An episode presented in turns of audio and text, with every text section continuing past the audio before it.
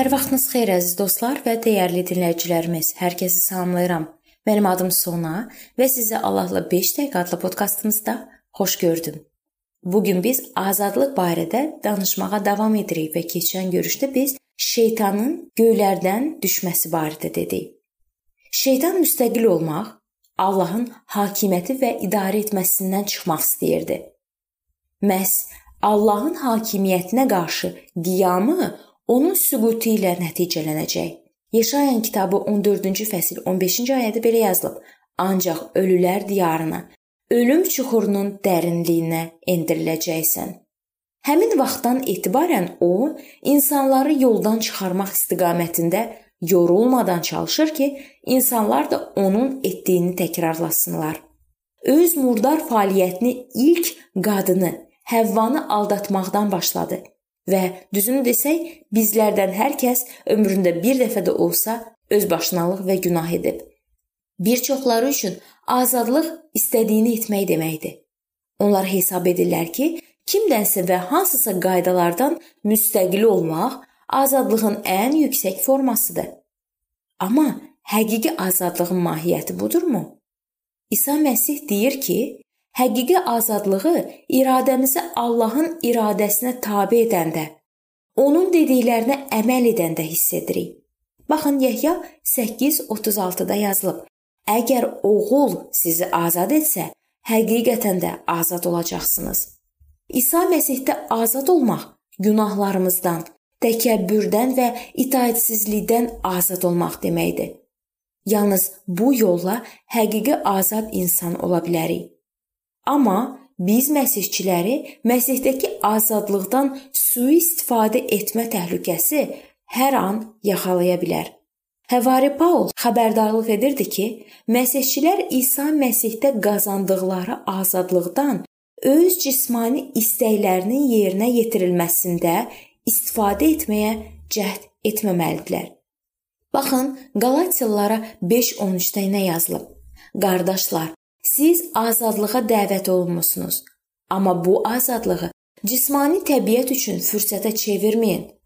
Lakin bir-birinizə məhəbbətlə qulluq edin. Başqa sözlə, İsa Məsihdə qazandığımız azadlıq bizi şeytanın hakimiyyətindən azad edib və eyni zamanda Allaha itaat etmək imkanı qazandırıb. Başqa insanlara sözdə və əməldə xidmət etmək imkanı verib. Biz azadlığımızdan sui-istifadə etməməli və təkəbbürlü yaşamamalıyıq. Bütün bunlar günahkar adamların əsl azadlıq hesab etdikləri ilə daban-dabana ziddir. İstədiyini edə bilmək imkanı əsl azadlıq deyil. Bu öz cismani istəklərinin və şeytanın əsirliyində yaşamaqdır. Romalılara 6:16-da Həvari Paul deyir: "Məgər bilmirsiniz ki, İtayətli qullar kimi özünüzü kimə təslim etsəniz, onun da qullarısınız. Ya ölümə aparan günahın, ya da salihliyə aparan itayətin qulları ola bilərsiniz. İnsana öz istəklərini yerinə yetirmək üçün lazım olan azadlıq həmişə Allahın hakimiyyətinə qarşı üsyanla bitir. Allah kəlamında yazılıb ki, günah elə budur. Üsyankarlıq falçılığa bərabər günahdır. Bu 1-ci Padşahlar kitabı 15-23-də yazılıb. Allahın iradəsinə itayət etməmək ağır günahdır və biz onun istənilən təzahürlərindən azad olmalıyıq. Allaha şükürlər olsun ki, o doğulduğumuz andan etibarən hər bir yenidən doğulmamış insanın ürəyini dolduran üsyandan bizə həqiqi azadlığı təklif edir. Könüllü olaraq Rəbbin iradəsinə tabe olanda O bizə şeytanın hakimiyyətindən həqiqi müstəqillik verir. Yalnız bu yolla insan ruhunun düşməninin hakimiyyətindən və ağalığından azad ola bilərik. Ruhumuzun müstəqilliyinin əsl bayramını qeyd etmək üçün necə də gözəl səbəbdir.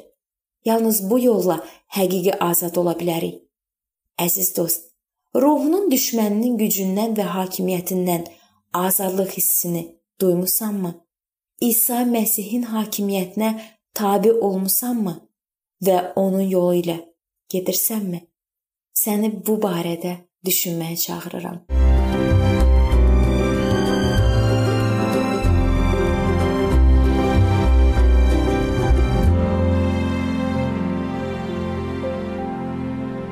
Beləliklə əziz dostlar, bu yerdə bu mövzu sona çatdı. Hər zaman olduğu kimi sizi dəvət edirəm ki, bizim podkastlarımızı Facebook səhifəmizdən və YouTube kanalımızdan dinləməyə davam eləyəsiniz. İndi isə mən sizinlə sağollaşıram və növbəti görüşlərdə görmək ümidi ilə sağ olun, salamat qalın.